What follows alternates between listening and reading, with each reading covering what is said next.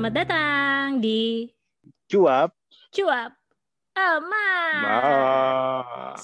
Cuap-cuap emas ini terdiri dari dua orang sahabat yang bersahabat sejak kecil. Kami di podcast ini akan bercerita tentang pengalaman kami dan sudut pandang kami tentunya si dua sahabat tentang beberapa Betul. hal Mulai dari kehidupan. sampai kekonyolan yang kami lakukan. Yoi. Ini kami ya, soalnya kekonyolannya nih selalu bersimbiosis gitu. Kami terhubung di satu lini masa asik, satu lini masa. Ya, monggo disimak.